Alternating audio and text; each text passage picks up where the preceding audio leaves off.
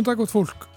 Það er samfélagið sem heilsar ykkur þennan ágæta fymtudag. Það er komið 9. februar og hér sitjum við Guðmundur Pálsson og Þórhildur Ólastóttir. Við ætlum að byrja þáttin á því að ræða við sveitarstjóran í alþjóðlegasta sveitarfélagi landsins. Það er sveitarstjóran í Mýrdalsreppi en uh, þar eru hlutfallslega flestir íbúar með erlendi ríkisfang eða 51,5%. Við fáum að heyra af tækifærum og áskorunum sem felast í þessu. Og samfélagið kynni sér skyndihjálp í dag. Það stýttist nefnilega í 1-2 daginn sem fer fram á lögadaginn 11. annan að sjálfsögðu.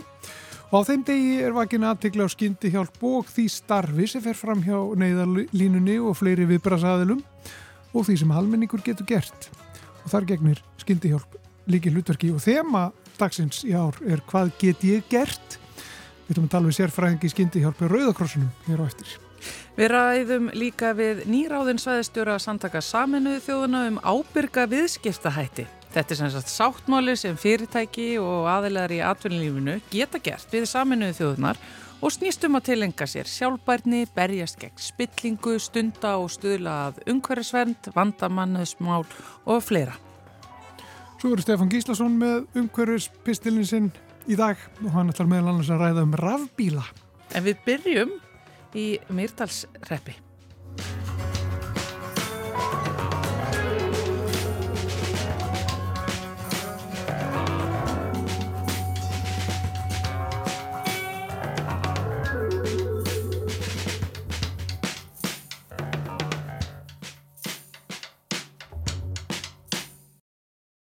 Við vorum hér í samfélaginu í gærað rína í nýjar tölur frá byggðarstofnun um já, íbúafjölda landsins og hvernig þetta skiptist allt saman og rákum þá augum nýja hlutfarslega flest íbúar með Erlend ríkisfang eiga heima í Mýrdalsreppi eða 51,5%.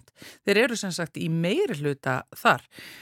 Hjá okkur á línunni er eh, sveitastjóri Mýrdalsreps eh, Einar Freyr Elinarsson. Sælverstu? Komið sæl. Sko, þetta er að við höldum uh, í fyrsta sinn sem að sveitafélag á Íslandi er með meiri hluta íbúa með Erlend ríkisfang? Já, það kemur mér ekkit óvart þótt að, þótt að það sé rétt sko. Þetta er auðvitað svona svolítið, þetta er náttúrulega í fyrsta skipti eiginlega núna bara frá því að sko svona sjávarþorp fóru að byggjast upp um landið held ég sem að er svona markvis sko fjölgun og uppbygging sko úti á, úti á landi í dreifum byggðum. Þa, það, er, það er svolítið merkilegt sko og það gerist þetta bara með ferðarþjónastunum, með aukinni atvinnu. Þannig að þetta er, þetta er þetta við skerum okkur svolítið úr. Já og það, þannig að þetta er náttúrulega svolítið mikil tíðindi þannig að það er svo forveitlegt að heyra sko hva, hvað í þessu fælst fyrir þig sem sveitastjóru og, og, og fyrir sveitafélagið allt. Hvort þetta breytir einhverju og þá hvernig? Já, þetta þetta sko hefur bara mjög, þetta hefur svona fjölþægt áhrif. Ég menna við erum með þetta alltaf uh, fleiri og fleiri fjöldtingt börn í, í skólunum hjá okkur. Um, þetta líka breytist svolítið, breytist svolítið við sko síðustu kostningar umröðlega. Þá, þá breytist landslægin okkur mikið vegna þess að þá voru gerða breytingar á kostningalögum mm. Og það fjórfaldaðist fjöldi hérna, erlendra íbúa sem voru á kjörskrá. Þannig að hérna, uh, eiginlega breytist svolítið landslægið við það og áherslurna líka, má segja. Já. Við erum með, hérna, við erum með nokkuð stóran hóp sem er á aldrinu 25-40 ára og, og það er orðnar bara svona, já, svolítið aðra kröfur sem fólk gerir. Uh, mjög mikið þrýst á, þrýst á nýja líkamsrækt hérna sem er bara svona um mitt svolítið, svolítið skemmtileg viðhorsbreyting þetta er ekki eitthvað sem hefði verið, hefði verið hot topic í kostningum fyrir, fyrir hérna hvað ég segja, 8 árum til dæmi sko. Já, en þetta bara gerist með þessari svona demografíu breytingu ungt fólk Já. allstaðar að úr heiminum og með börn.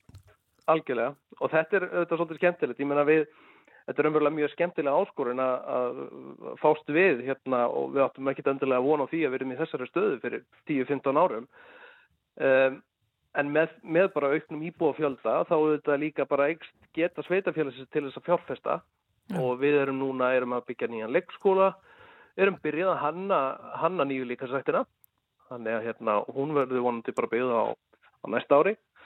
Þannig að hérna, þetta eru svona, þetta eru skemmtilegar áskoranir. Já, þú segir það einar að þetta er náttúrulega ferðarþjónustan sem að hérna, er þá svona undirlikjandi ástæði þess að, að yfir 50% íbúa hjá þeir eru með erlend ríkisfóng.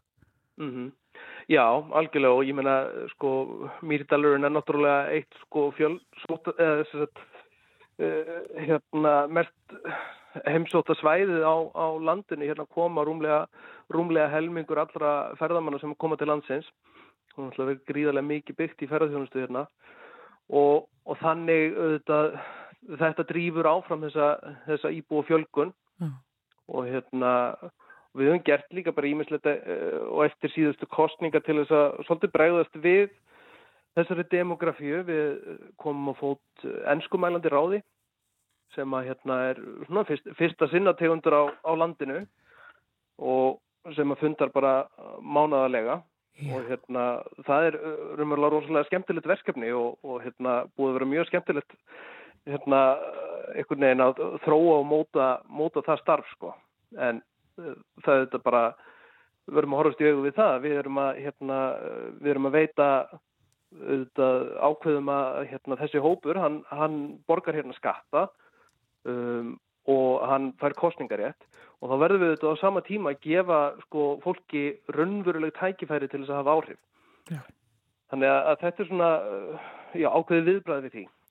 Eh, Aðtæksluvert að heyra þig ræða þetta viðhorfa því að það hefur nú stundum Íslandingu verið leið á hálsi fyrir það að, að líta eiginlega svona algjörlega fram hjá uh, innflytjandum og, og þeirra þörfum og, og kannski ekkert endilega opnað uh, opna sig fyrir því að þau geti haft áhrif uh, og sérstaklega kannski einmitt í stjórnsýslunni. Já, þetta er hérna okkur hefur bara borið gæfa til þess hérna held ég, vona ég að, að hérna, taka bara vel á mjög fólki. Mm. Við erum með, hérna, ég menna við erum með fjölþjóðlega til dæmis bara bæjarskristofu hérna, það eru, eru tveir starfsmenn hérna á skrifstofunni sem eru hérna uh, eru erlendis frá, þannig að hérna við bara held ég og reynum auðvitað að hvetja fólk til þess að, til þess að læra íslensku og hérna uh, og bara veita þannig fólki tækifæri Já. og auðvitað eins bara í, í skólunum hjá okkur líka um, en, það, en sko áskorunin er þetta svolítið í ferðarþjónustunni, þar er svo þetta er, þetta er þetta bara ennsku mælandi hagkerfi Já. í ferðarþjónustu þannig að hérna hvatin oft til þess að læra íslensku þar er kannski, kannski takmarkaður og við erum svolítið búin að ræða þetta heilmikið í þessu ennskumælandi ráði og, og hérna eiginlega þurfum við svolítið að fá ríki með okkur í lið sko, hvernig, og við þurfum bara svolítið að hafa líka bara stefnu um það, viljum við að íslenskan sé svolítið sínileg gagvart, gagvart ferðamönnum?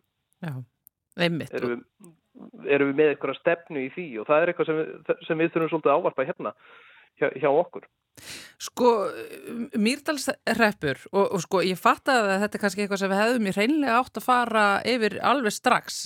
Ég hins vegar eh, gef hlustendur samfélagsins, ég, ég gef þeim ætlast til mjög mikils af þeim, en, en ef það er skildi einhver eitt hlustandi verað núti sem áttar sig ekki almenna á því hvaða svæði þetta er sem að þú ræður yfir, að þú getur útskýrt það aðeins. Já, þetta er hérna, þetta er miðjan á Suðurlandinu, síðusti, síðusti punkturinn punkturinn á landinu og Vík er, er bærin okkar. Þannig að hérna, við erum svona landfræðilega tiltölulega lítið, lítið sveitafélag en hérna náttúrulega hefur fjölgað, eins og ég segi, innari tvöfaldast íbúafjöldin hérna á síðustu tíu árum. Hvað eru þið mörg núna? Uh, við erum tæplega 900. Já, og það er einmitt uh, meirinn helmingur þeirra uh, með Erlend Ríkisvang. Þetta er alveg magnað að heyra þetta. Ég nú með hérna verið fram að mig sko 2015 þá eru 480 Já, þetta er gríðarlega fjölgun. Já og bara sjáum fram á hún haldi áfram. Það er hérna, eh, hefur aldrei verið byrkt hjá mikið af, af íbúrhúsnaði eins og, eins og núna og er fyrir hugud en meiri, meiri uppbygging. Þannig að hérna eh, hefur verið rosalega mikil þrýstingur á sko íbúðamarkaðunum hérna og, og þróunin verið þannig að sko atvinnureikendur hafa raunverulega bara þurft að kaupa íbúður húsnaði til þess að tryggja sínu starfsfólki uh, hérna bara til þess að geta stækkað fyrirtækin sín mm. og, og hérna sem að auðvitað er ekkit endilega æskileg sko, æskileg þróun fólk, það er auðvitað langt best að fólk sé sjálfstæðir í búsetu, sé ekki háða atvinnureikandu um húsnaði mm. eins fyrir sko atvinnureikandur að þurfa að vera að binda fjármagn í, í íbúðurhúsnaði fyrir starfsfólk er heldur ekkit, ekkit eh, ákjósfólegt fyrir þá. Þannig að hérna uh, það er auðvitað bara eina, eina leiðin hjá okkur að byggja meira húsnaði og, og við erum að því núna. En, en kallar þetta á frekari uppbyggingu líka þá frá ykkur frá sveita, sveitarfélaginu? Þú nefndi nú líka sættar aðstöðuna á þann sem er á leiðinni en skólanir og, og, og fleira. Algjörlega við erum að hérna var nú bara um daginn að skrifa undir verksamning uh, um byggingu nýs leikskóla og hann verður tekinni nótkun bara eftir næstu árumótt og svo í framhaldinu þetta þurfum við að, þurfum við að hugsa sko, húsnæði grunnskólans svolítið upp og, upp og nýtt og, og horfa til framtíðar í því. Þannig að hérna uh, það er svona liggur alveg fyrir að miða við fjölgun og, og bara barneignir hjá okkur við, við erum ekki barnalán hérna síðustu, síðustu ár. Já. þannig að við þurfum að vera duglega, duglega að byggja Þú sagðir á, á, áðan einar freyra fyrir nokkur árum og þá hefði þetta nú hérna, ekki litið svona vel út og er þá í raunin að vísa til þess að hérna, íbúum var að fækka og atvinnumálinn voru svona fannig. Eh, þa, þa, þa, þú ert heimamaður, þú ert, eh, ef, ef, ef ég skil rétt, fættur þarna upp á linni í, í Myrdalsreppi ekki satt? Sveitinni? Jú, já, fjö, jú, fjölskylda mín áreikur gisti heimili og söðu fjár búhjörnundi í sveit og með svona nokkuð nokku djúparætur búin að vera þarna uh, sama fjölskyldan í um 160 ár. Hérna, Nánast landnámsmaður bara. Já, beinan karlæk Já, þetta er þetta er hérna uh, þetta er bara ótrúlega skemmtilegt einhvern veginn að svona samfélagi uh, sem maður elst upp í og út af því að við höfum raunverulega ekki endilega væntingar um þetta fyrir sko einmitt 15-20 árum. Það það er þetta bara þannig að atvinnan atvinnan drýfur þetta allt og hérna við vorum bara í sömu stöðu og flest önnur sveitafjölu út á landi. Mm. uh, og hérna erum við þetta ekki með sjávarútveg uh, hérna, erum bara með það hefur verið landbúnaður svona undirstöðu atvinnugrein. En síðan erum við þetta bara ótrúlega vel í sveit sett hérna með náttúruperlur. Með mikið af náttúruperlum á sko marga segla á hérna litlu svæði, við erum með náttúrulega jökulinn sem er hérna, þú veist það eru hellaferðir, sleðaferðir uh, hérna og alls konar og, og alls konar önnur aftreying sem er búin að byggjast upp samhliða. Þannig að hérna, það var ótrúlega gaman að sjá það í COVID sko þegar að þegar þetta skrúaðist alveg fyrir lokaðist á landamærinum og þá hérna var svo gaman að sjá Íslendinga einhvern veginn uppgötur svolítið Ísland. Ég fekk að svolítið á tilfinninguna að að hérna, þetta væri örugli bara í fyrsta skipti í einhver 15 ár sem að Íslendingar af einhverju viti ferðuðust um Ísland sko. og, og voru svona uppgötta bara hvað er búið að byggja mikið af líka flottri þjónustu. Allir þessu veitingastæðir hjá ykkur Þetta er nú aðeins öðruvísi heldur þegar ég var að keira þarna fram hjá ringferð með fjölskyldunni í áttunni Já, já. Þetta var hérna, þetta var bara vegarsjópan og ekkit annað. Ég meina þegar ég er að klára grunnskóla þá er hérna, þá er svona verið að ströggla að reyna að halda einum veitingastáð opnum um helgar. Já, einmitt. Á, á, á veturna sko, nú eru já hvað, með tökur hóteli með líklega 11-12 veitingastæður og, ma og maður þarf alveg að grenja sig inn til þess að fá borð. Já. Já, þetta er bara allt annar veruleiki. Og þess vegna sko veist, ég, ég heyri það á þér einar að veist, þér finnst þetta gaman, eitthvað finnst þetta gaman. Þetta eru hérna, skemmtilegar áskoranir og, og, og, og þó þetta séu alls konar svona, jáfnveil flóknar úrlösnir þá eru þið, þá kemur þetta svona viðmót, já, maður fara tilfinningu að þetta kemur til að góðu Já, ég menna, ég, ég hef sagt það, mér finnst þetta bara algjör forréttindi einhvern veginn að geta verið í þessari stöðu. Að núna að stýra, stýra þessu sveitafélagi og við höfum svigurum til þess að framkvæma og það er bara svona já, það er, það er áhugi og, og, og metnaður í fólki bara fyrir samfélaginu, þess mér Já. Þannig að þetta er, þetta er algjör forrætnindast að. Einar, uh, bara aðeins að lokum, uh, sko, þú ert náttúrulega, ert að benda á, þú ert náttúrulega í uh, annar stöðu heldur margir kollegar þínir í, í sveitar og bæjarfjölum hérna landið um, um, um kring.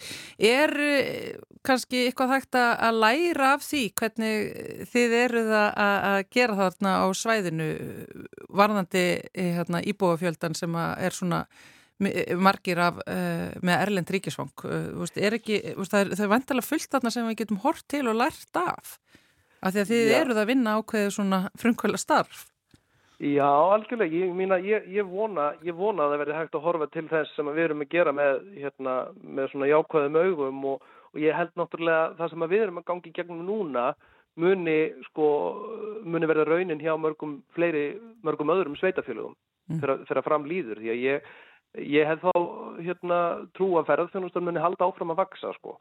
og, og þá verður þetta svipuð þróun hjá fleirum og já, ég, ég bara ég er mjög gladur ef að menn geta hort til þess sem við erum að gera og, og hérna einhvern veginn nýtt þá reynslu Takk hella fyrir að spjalla við okkur Einar Freyr Elinarsson, eh, sveitastjóri í Mýrtalsreppi, alþjóðlegasta sveitafélag eh, landsins, eh, fyrsta sveitafélag sem að fer yfir helming íbúa með Erlend Ríkisvang. Bestu hverður þarna, maður segir austur til ykkar að það ekki? Jú, takk fyrir mig.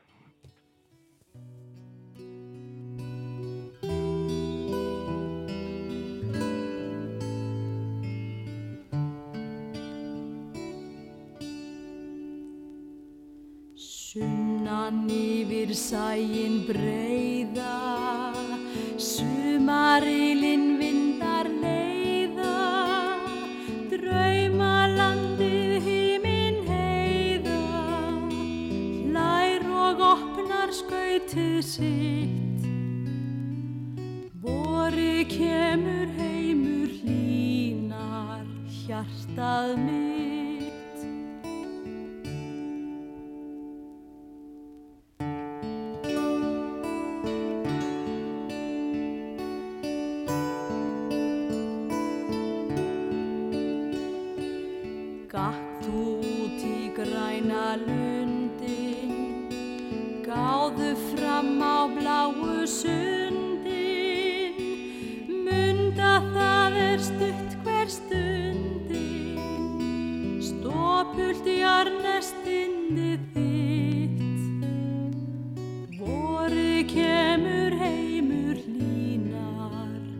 Hjartað mér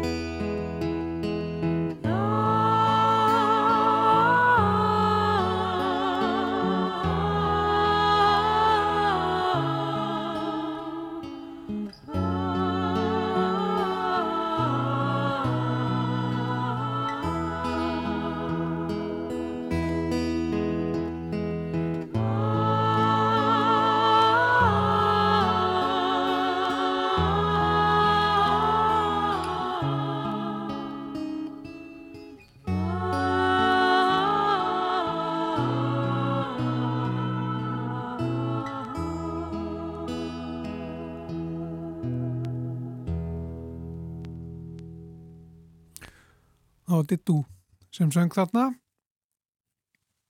Viki Vaka voruð kemur eftir Valgir Guðjónsson En núna á laugadaginn þá uh, verður haldinn uh, einnið tveir dagurinn. Það er ell eftir hannar á laugadaginn. Þetta er engin tilvílun. Og uh, á þessum degi þá er vakin aðtekli á, já, meðlans á skyndihjálp og uh, starfi sem að fer fram til dæmis á neyðalínunni og fleiri viðbærasaðilum. Og það er svona svolítið verið að horfa til þessum almenningur getur gert. Þannig valinn skyndihjálpar manneska orsins og uh, svona verið að vekja fólk til umhugsunar um þessi mál. En hún er sérst hérna hjá okkur Hildur Vatnes Kristjánsdóttir sem er sérfræðingur í skyndihjálp uh, hjá Rauðakrossunum. Verður velkominn til okkar. Já, sæl og, blessið. Takk fyrir að hérna bjóð mér. Sko, þema dagsins er hvað geti gert? Já, það er hérna, þetta eru mikilvægi skilabóð sem við viljum koma út í hérna samfélagið, er að, að sagt, hvað get ég gert? Hvað getur almenningur gert og sérst, hérna brúðist við í, í hérna uh, neyðræðstæð. Uh, þannig að hérna, við viljum svolítið svona uh, minna fólk á, á mikilvægi skyndjálpar, mikilvægi þess að ringja eftir aðstóð og líka að hérna tengja svolítið saman almenning við viðbrasæðila af því að hérna viðbraskeðjan okkar, það eru þeir sem að koma að því að bjarga þeim sem er í vanda, sem er bráðveikur eða slasaðar er að hérna almenningur, einstaklingur sem veitir skyndjálpina eða einstaklingar þeir eru mikilvægur hlekkur í þessar keðju og í raun að veru uh, sagt, hérna, hefja þessa að byrja þessa keðju og hérna svo er það neðalínan sem í raun að veru tengir séðan einstaklingin við hýna viðbröðsæðalina Þannig að þetta er svona hérna, og við hugsaum um þetta sem svona keðju af því að hérna svona óslítandi keðju og, og, og þessi samvinna sem á sér stað. Þannig að almenningur um, hefur henni verið gífurlega stort hlutverki að hérna að sagt, í heilsu og öryggi samfélagsins í gegnum skyndjálp og í gegnum fyrstu, að sagt, hérna salranu fyrstu hjálp. Já. Og það er svolítið skemmtilegt að hugsa þannig að skyndjálp og sálan fyrsta hjálp. Þetta er partur af daglegu lífi að hérna við kannski erum að fara með börnin okkar í leyskólan og hvað erum að hugsa? Við erum að tryggja öryggið þeirra á leiðinni, í bílnum, þau erum að lappin í leyskólan og hérna þau kannski detta og, og meiða sig og þá er það að hugga. Þetta er allt svona, svona aðstóð hérna sem við erum að, að veita og er bara óskup einföld og partur af daglegu lífin okkar. Síðan getur það gerst að við hérna bara óvænt lendum í erfiðum aðstæðum þar sem við komum að, að nákomnum sem að hefur farið í, í, í hjartastopp og það þarf að hefja endurlíkun eða við komum að, að við erum bara í sumafríun okkar á leðinni hérna með tjaldvagnin og komum að alvarlegu slisi. Þannig að hérna þetta er allt frá því að vera eitthvað sem að, að við erum að upplifa okkar dælega lífi en líka eitthvað sem að svona maður aldrei að fara að gleima. Já. Þannig að hérna, já. En þá þarf maður að kunna til verka og vita, vita hvernig maður á bregast við. Það er þannig og skyndihjálp býr í okkur öllum og það sem að skyndihjálpar námskeið og þjálfinn skyndihjálp gerir er að við setjum þetta í bara þannig pakka eins og maður segir að þú færð þau hérna bjargröð og þau tæki sem hjálpa þér einföld tæki sem hjálpa þér í svona óvendum og erfiðum aðstæðum og einföld, hérna, skyndhjálp er einföld og það geta allir veitt skyndhjálp ég er að meina börnin okkar hugga önnur börn mm. og hérna og þetta skyndhjálp er bara eh, svona já, fyrir alla aldursópa þannig að hérna, já Og það sem að sko allir eiga að kunna er þá hvað? Hva, hvað er svona, hvað get ég gert ef við spyrjum þannig? Hvað get ég gert? Um, það sem að maður getur gert er hérna fyrst og fremst að ringa eftir aðstóð af því að hérna ef að við sjáum að verkefnið er það stort að við ráðum ekki sjálf við það að hérna að virkja viðbrarskeiðina mm. Og ég segi oft að þegar ég hef haldið námskeið er að þetta er ekki þannig að, að, að hérna eins og með hérna námsefni að maður eigi bara kunnita og svo bara verður maður bara að gera svo vel að standa sig. Heldur er það þannig að hérna þegar þú ringir einn en tvo þá ertu bara komið besta myndin hinnum einu línuna hann er að fara að, að tala því gegnum þetta, hvetja þið áfram, valdefla þig. Þannig að þú yfir stígur hann að þröskuld að fara inn í þessar aðstæður og veita, veita skyndjálp.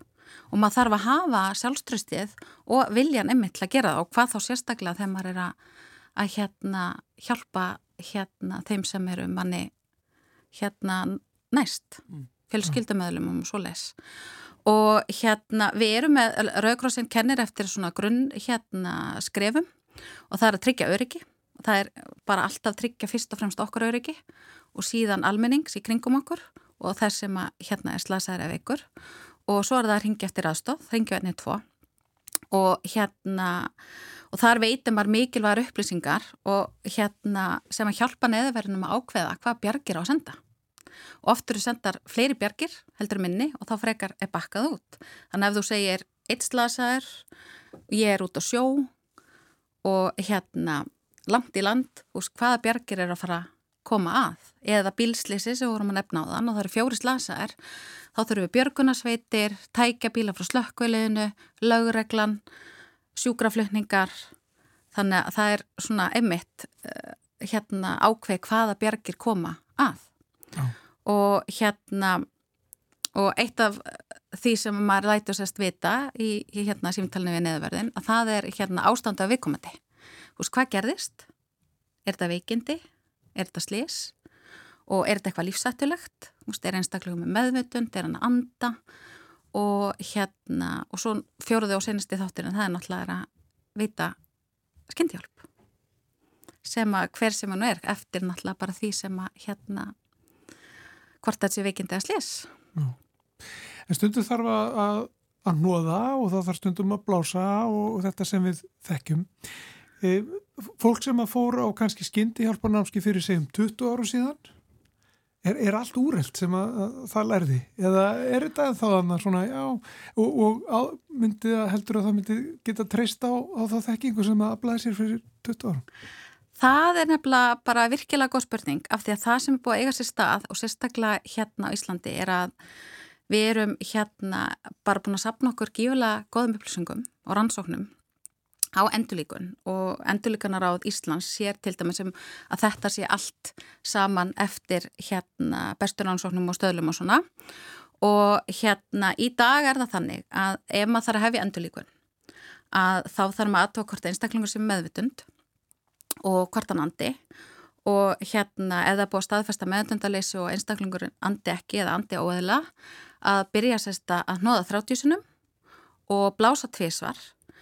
Ef fólk treystir sér ekki að blása að þá er í lægi að bara nóða og þá er maður sérst að nóða taktur um 100-120 sem myndu og hérna þannig að já þetta er, þetta er það sem er góða og gilda í dag uh -huh. og það sem er kannski gott að koma inn á og hérna án þess að flækja hlutina er eins og til dæmis í dröknun og í endurlíkun á bönnum sem er erfitt viðfangsefni, er að þar er blásturinn gífilega mikilvægur af því að ástæðan fyrir því að bönn fara í hjartastopp og fólk dröknar, það er út af því að það er vandamál við öndun.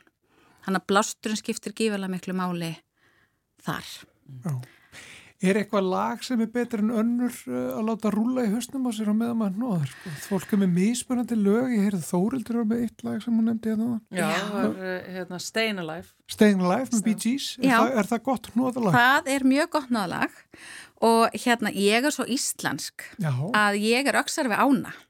Já, það er svona ákveður. Það er svona kjarna íslenska mm -hmm. og mhm. svona svolítið svona Já, þannig að það er einhverjir þarna sem að muni velja það fyrir ykkar. Já. Vísulega. Ítlis eru ekki allra. En það, og svo eru svona, fyrir til þess að höfða til allra aldurshópa, að þá er alveg fleiri lög, eins og til dæmis hérna með Dustin Bieber og svona. Já, já. Og hérna, skemmtilegt að segja frá því að á einnig tveitinum, þar verður við með síningarsvæði, þar sem að þessi tónlist verður í gangi. Þetta var alveg sér lag. Og það verður sérst hægt að uh, æfa sig í uh, endurlíkun og að nóða. Þú sagði líka sko 100 til 120 sinum Já, á nóð á mínútu. Já. Það er alveg rosalega mikið. Þannig að það, það er nú aldrei bara að vera með læður hreinu Já, ég fá það svolítið á heilan. Fá svolítið á heilan Já. og síðan það bara vera bara sterkur og, og, og með úthald. Já, það reyndar er mælt með því að skipta og tekja mínuna fresti að því að þá þreytist Já. hérna hnóðarinn og hérna þannig að því fleiri sem koma því betri. Og ef fólk segir ekki ég kann ekki endurlíkun þá er þetta eins og ég segi, skyndihjálp, endurlíkun er einföld, það er bara að kenna fólki á staðnum.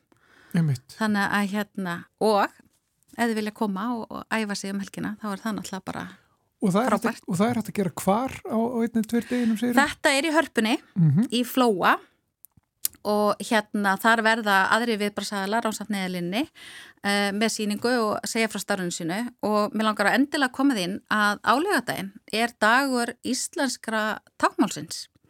Þannig að það verða sagt, hérna, tákmálstúlkar á svæðinu. Þannig að við viljum gera okkar í að, í að hérna, uh, breyða út sagt, hérna, bóðskap þess líka. Já. Einmitt að Hildur Vatnes Kristjánsdóttir sérfræðingur í skyndihjálp hjá uh, Rauðakrossunum. Þá gaman að fá því heimsókn Takk og fyrir. fróðlegt og uh, gangi ykkur vel á lögadaginn og 1-1-2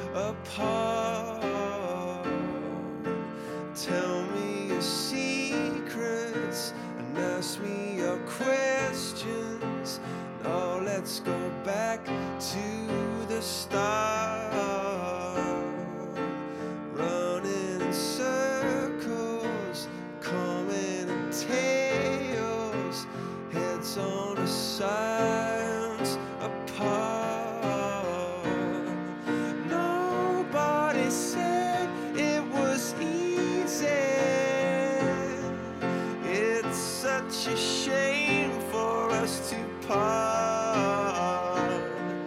Nobody said it was easy. No one ever said it would be this hard. Oh, take me back to the start.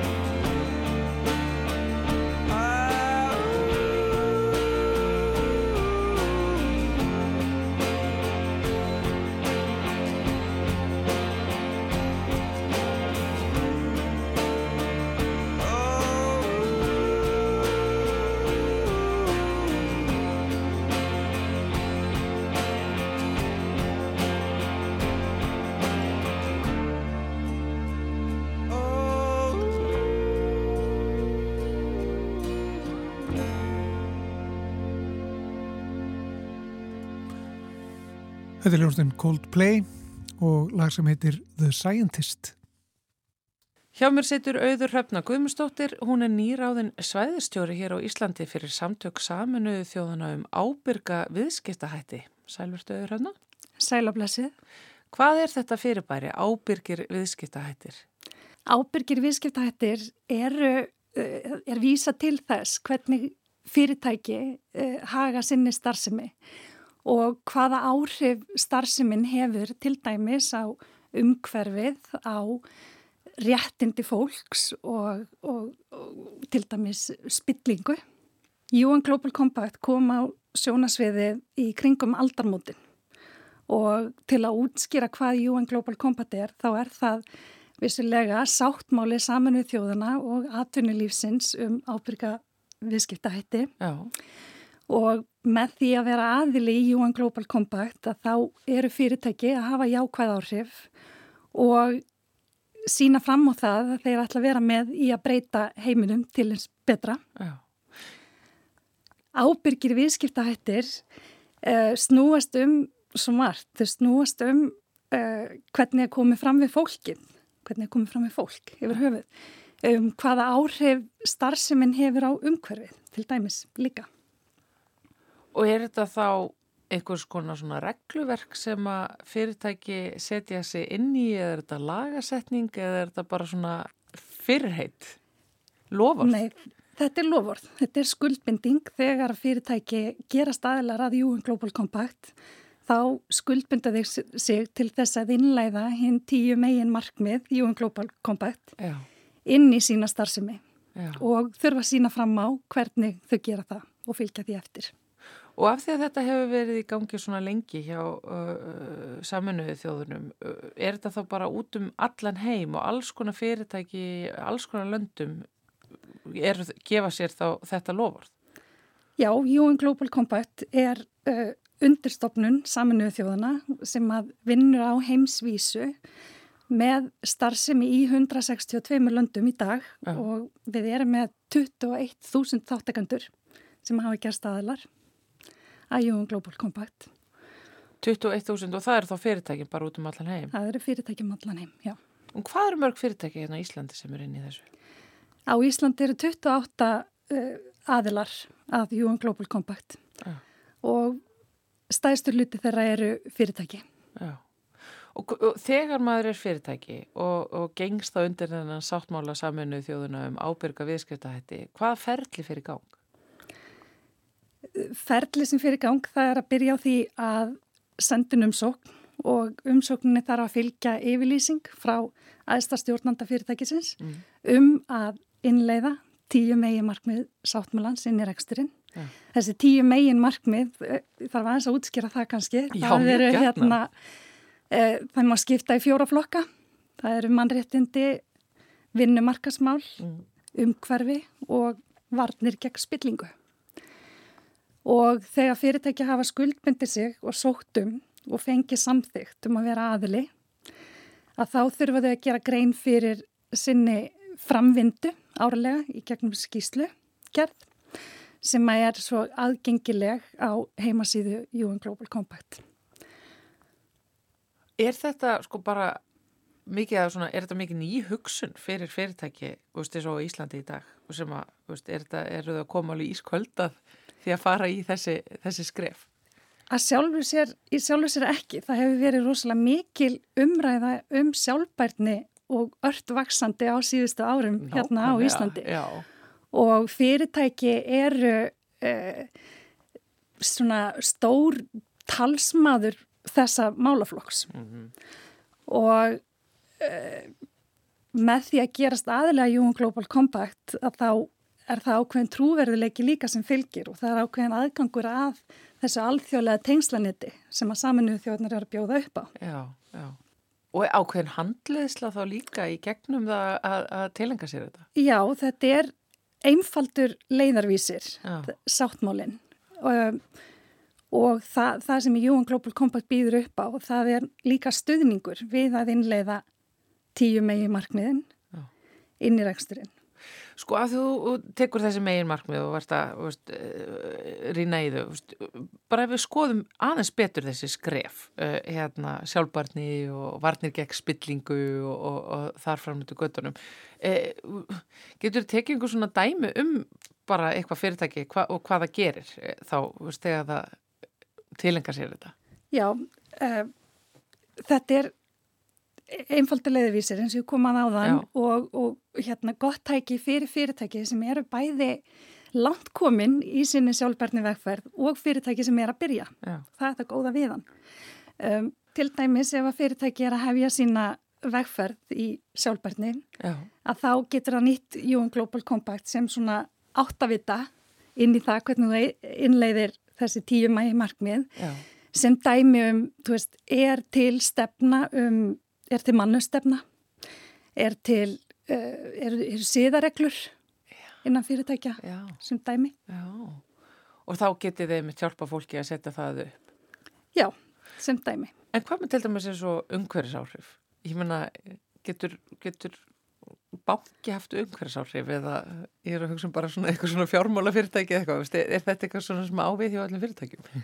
Já, banki getur alveg haft talsverð áhrif á uh, umhverfið með, í gegnum bara sitt lánasafn sem dæmi. Já, auðvitað, auðvitað, það er náttúrulega þannig. Og þá er það til dæmis eitthvað sem að, veist, ef að þetta væri fjármálafyrirtæki að tilenga sér þessi skref og þá myndu þau skoða það ferli. Já. Veist, erum við að gera græna fjárfestingar, erum við að fjárfestinguru mingandi yðnaði og þarfur undir göttunum. Þannig að þetta er bara svo leiðis. Akkurat, sem dæmi og einni er þetta bara mjög gott fyrir fyrirtæki að vera aðili að UN Global Compact að því að þetta sínir viðskiptavinum og byrgjum fram á ákveðna, uh, ákveðna ábyrð og sumleis ef að uh, þú ert með fyrirtæki og, og vilt fá viðskipti þá getur þau sagt við erum aðilar að UN Global Compact. Þannig að þú getur flagga þessu bara svona svolítið, bara eins og svansmerkingunni, þeir neytendur er alltaf að reyna að leita svansmerkingunni og minni sigri þannig að þetta er bara svona, herðu við erum hér með stimpil frá saminuð þjónum. Já. Já, og, auðvitað er líka vinna þar að bakvið og það eru upplýsingar þar að bakvið. Já, þetta er ekki, ekki, stimpil sem þú fær bara hérna, fyrir að gera ekki neitt. Nei, ekki, virkar ekki þannig. Nei, sko, ymmit að það að fyrirtæki sé að tilenga sér þetta og, og, og gera þetta, að það fyrst þegar þú varst að tala um hvað væri mörg fyrirtæki, þá er bara vá rosalega mörg, en nú far ég að hugsa eða, áhverju er ekki fleiri fyrirtæki á Íslandi búin að fara í, í gegn þetta ferli og tilenga sér veist, þetta með ábyrga viðskiptahætti og steimpilinn frá samtökum saminu þjóðuna.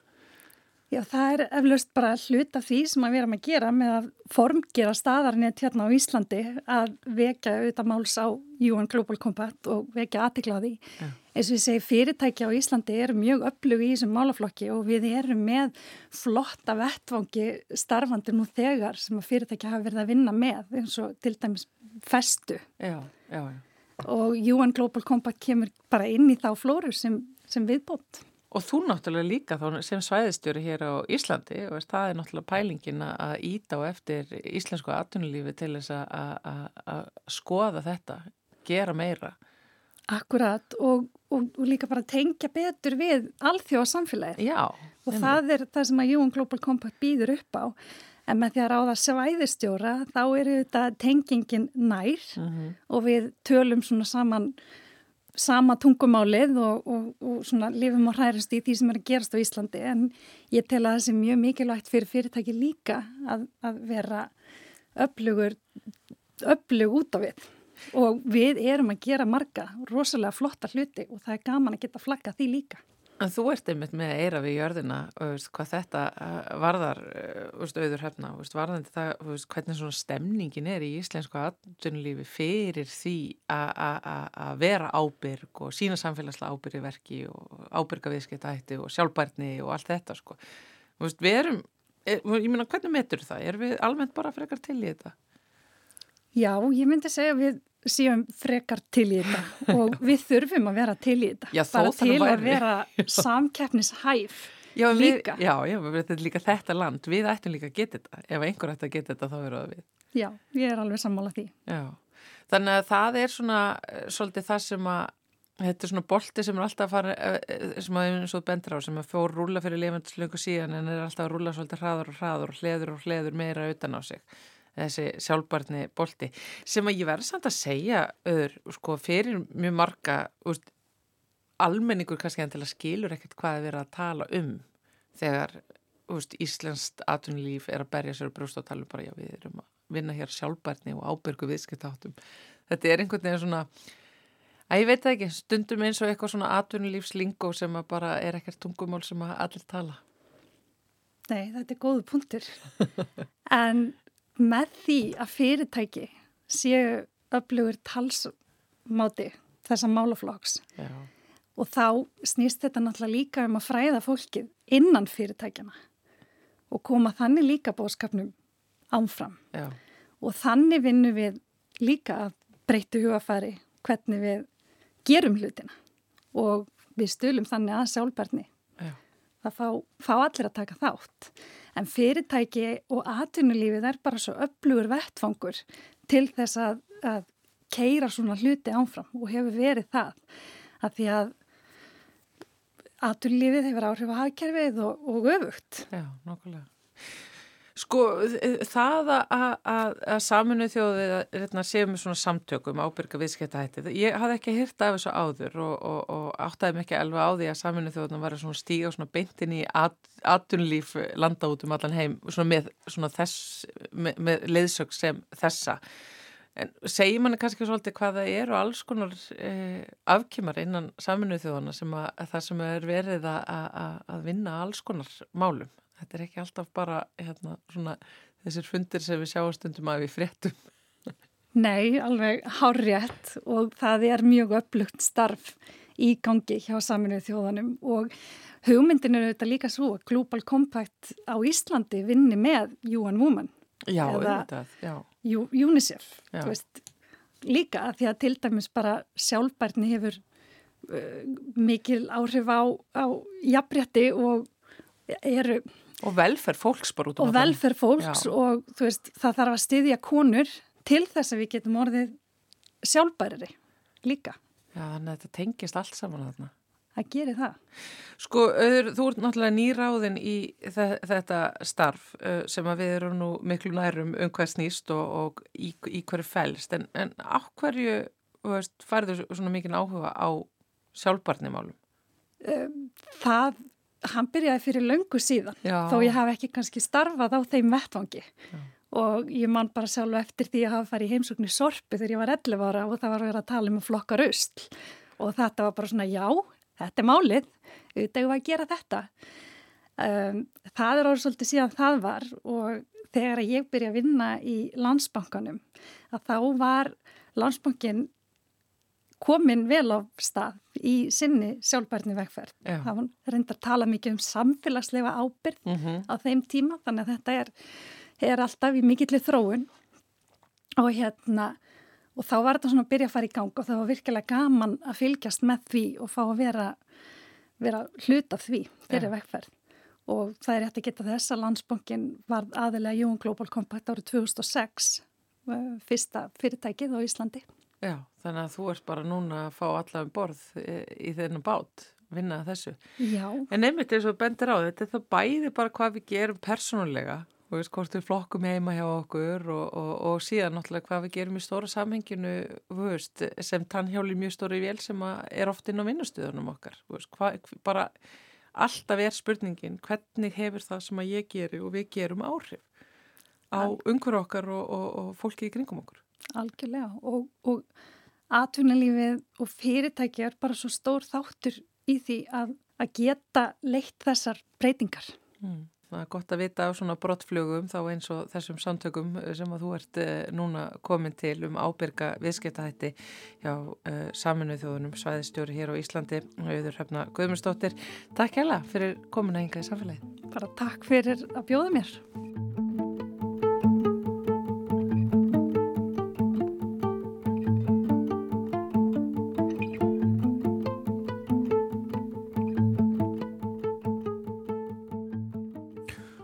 Þá ætlum við næst að leipa Stefánu Gísla sinni umhverju stjórnunarfræðingi að með uh, sinn reglulega pistil. Margt fólk sem ég hitti hefur mikinn áhuga á að tala við mig um rafbíla. Sumt fólk spyr mér ráða og langar að heyra um reynslu mín að rafbílum en þessu reynsla orðin tölu verð eftir rúmlega 8 ára samfælda rafbílaegn. Annað fólk sem er jafnvel fleira á engum það erindi við mig að segja mér að rafbílar séu alveg að fara dett úr tísku og að eitthvað annað og miklu betra muni taka við. En það séu rafbílar alveg glötu fyrirbæri séu hættulegir og eidilegist í frosti og podlum Já og svo sé það líka komið ljós að þessu er miklu verri fyrir lofslægið en alminnilegi dísilbílar. Ég get svo sem andmælt þessu öllu með góðum mótrökum en neyði yfirleitt ekki miklum tími það en það yfirleitt lítil eftirspurn eftir mótrökum þegar nýbúið er að segja manni hinn stóra sannleik. Þegar allt kemur til alls vil svo vel til að ég get fylst alveg sæmilega með þróun mála í rafbílaheiminum án þess að sækja stóra sannleikandin sérfræðinga sem sprett upp í kringum mig. Það eru nefnilega alltaf að koma fram nýja rannsóknir sem sína kosti og galla rafbíla frá ymsum hliðum og bera þá sama við púströðspíla. Frá einni slíkri rannsókn var sagt í tímareitunum Science of the Total Environment fyrir réttri viku síðan. Í þeirri rannsókn voru áhrif rafbílavæðingar á loftmengun og helsu í fyrsta sinn metin út frá raungögnum sem sapna var í mannmörgum byggðalögum yfir nokkur ára tímabil. Nýðurstöður þessar rannsóknar eru umfjöldunarefnið í písli dagsins og fyrir þá sem ekki hafa tíma til að hlusta pistilin til enda geti upplýst strax að í rannsókninni fundust marktæk í ákvað tengsla millir fjölkunar afbíla, minkandi loftmengunar og bættrar helsu. Rannsóknar sem hér um ræði var unnin á hópi vísindamanna við Keck Lækna áskólan í Suðu Kaliforníu og náðu til alls ríkisins. Íbúar Kaliforníu hafa farið frekar hratt í rafbílavæðinguna miða við önnur svæði innan og utan bandaríkjana en þróun hefur þó verið mishröð eftir síslum og nána tiltekið mishröð eftir postnúmurum. Í rannsókninni var þróunin einmitt skoðuð eftir postnúmurum með áherslu á þrjár breytur.